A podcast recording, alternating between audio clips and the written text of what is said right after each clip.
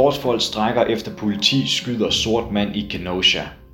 Baskethold strækkede under NBA's slutspil, efter politiet i USA skød den sorte mand Jacob Blake. Strækken har inspireret USA's sportsverden, hvor mange atleter tilsluttede sig protesten mod racistisk politivold. NBA er blevet et symbol på sort styrke, mener sportsjournalist. Basketholdet Milwaukee Bucks strækkede fra slutspillet i NBA-ligaen, efter politiet skød den sorte mand Jacob Blake. Strækken inspirerede USA's sportsverden, hvor atleter nu benytter deres platforme til at skabe opmærksomhed om racistisk politivold i USA. Den 26. august skulle have været dagen, hvor basketholdet Milwaukee Bucks mødte Orlando Magic i NBA-ligaens slutspil. Men Box valgte at lade være med at gå på banen, og da kampen skulle fløjtes i gang, var arenaen tom. For inden var spillerne fra Milwaukee blevet enige om at protestere mod, at politiet i USA havde skudt endnu en sort mand. NBA er verdens mest populære basketliga. Ifølge Statista blev ligaens finale i 2019 set af over 15 millioner mennesker alene i USA og følges også af flere millioner på verdensplan. Sorte atleter udgør over 74% af ligaens aktive spillere og er dermed den største etniske gruppe, oplyser Tides. Siden en betjent i USA dræbte den sorte mand George Floyd ved at knæle på hans hals i over 8 minutter, har mange basketspillere i NBA engageret sig i Black Lives Matter-bevægelsen. I en video på YouTube ses NBA-spilleren Damian Lillard tage del i en protest mod mordet på Floyd – Lillard står skulder ved skulder med demonstranter, der har hænderne i vejret og signalerer skyd ikke til politiet. Lillard er blot en af mange NBA-spillere, der under corona-lockdown i USA tog del i de landsdækkende protester mod racistisk politivold. Da sæsonen genopstartede efter lockdown, var Black Lives Matter blevet en parole for ligaen. Bag på spillernes trøjer var navne erstattet med budskaber som Black Lives Matter, lighed, frihed og magt til folket. Black Lives Matter er også blevet malet på gulvet i NBA's arenaer.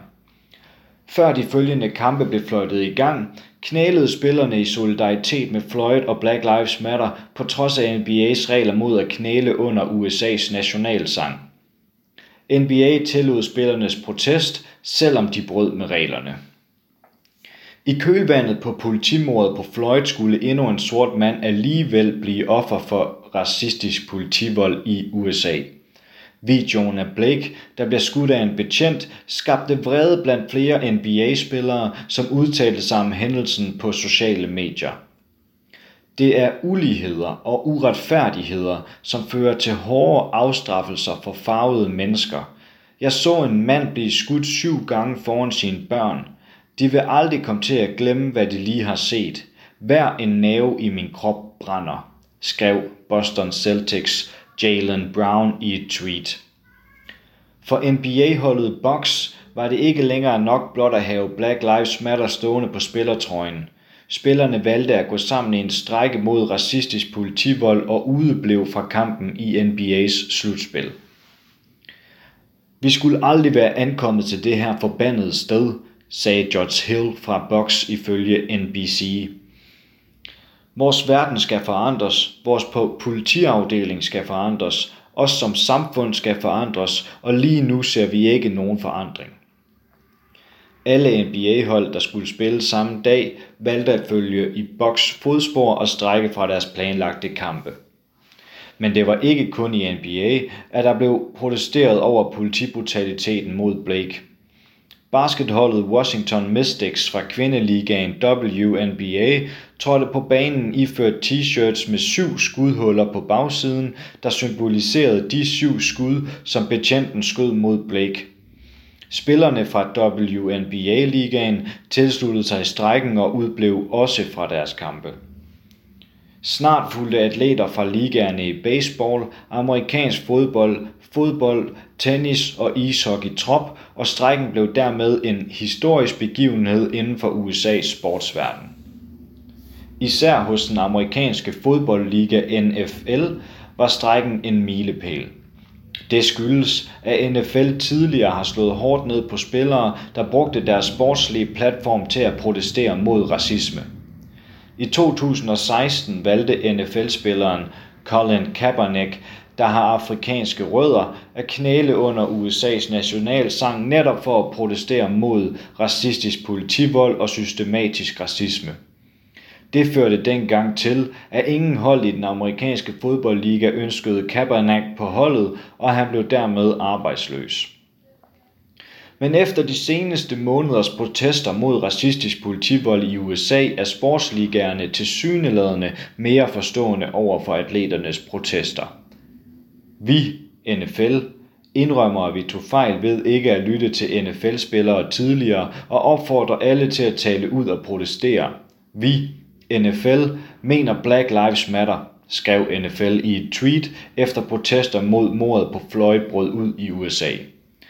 NFL-ligaens udtalelse viser angiveligt, at protesterne i USA har haft indflydelse på ligaens attitude over for atleternes aktivisme.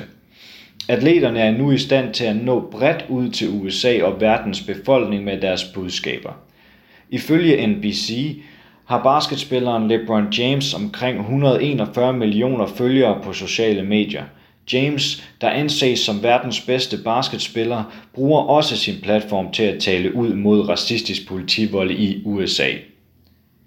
De frygter det, de ikke forstår, hader det, de ikke kan overtale, overtage, skrev James i et tweet, der blev reageret på af over 80.000 brugere.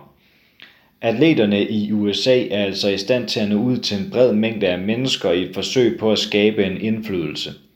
Selv præsidenten Donald Trump reagerede på NBA-strækken. De er blevet ligesom en politisk organisation, og det er ikke en god ting, sagde Trump i en video delt på Twitter. Ifølge sportsjournalisten Danley Batard var Trumps udtalelse et forsøg på at nedgøre NBA, men faktisk har Trump ret i, at NBA er blevet en politisk organisation, der er fortaler af sortes rettigheder, et symbol på sort styrke, siger Batard til ESPN. Du har lyttet til en artikel fra Arbejderen. Abonner på vores podcast på iTunes, eller hvor du ellers hører din podcast. Du kan også klikke ind på arbejderen.dk for meget mere journalistisk indhold. Du er også velkommen til at følge Arbejderen på YouTube, Facebook, Instagram eller Twitter, samt tilmelde dig Arbejderens daglige opdatering på Messenger. Vil du i kontakt med redaktionen, kan det ske ved at sende en mail til redaktion Tak fordi du lyttede med.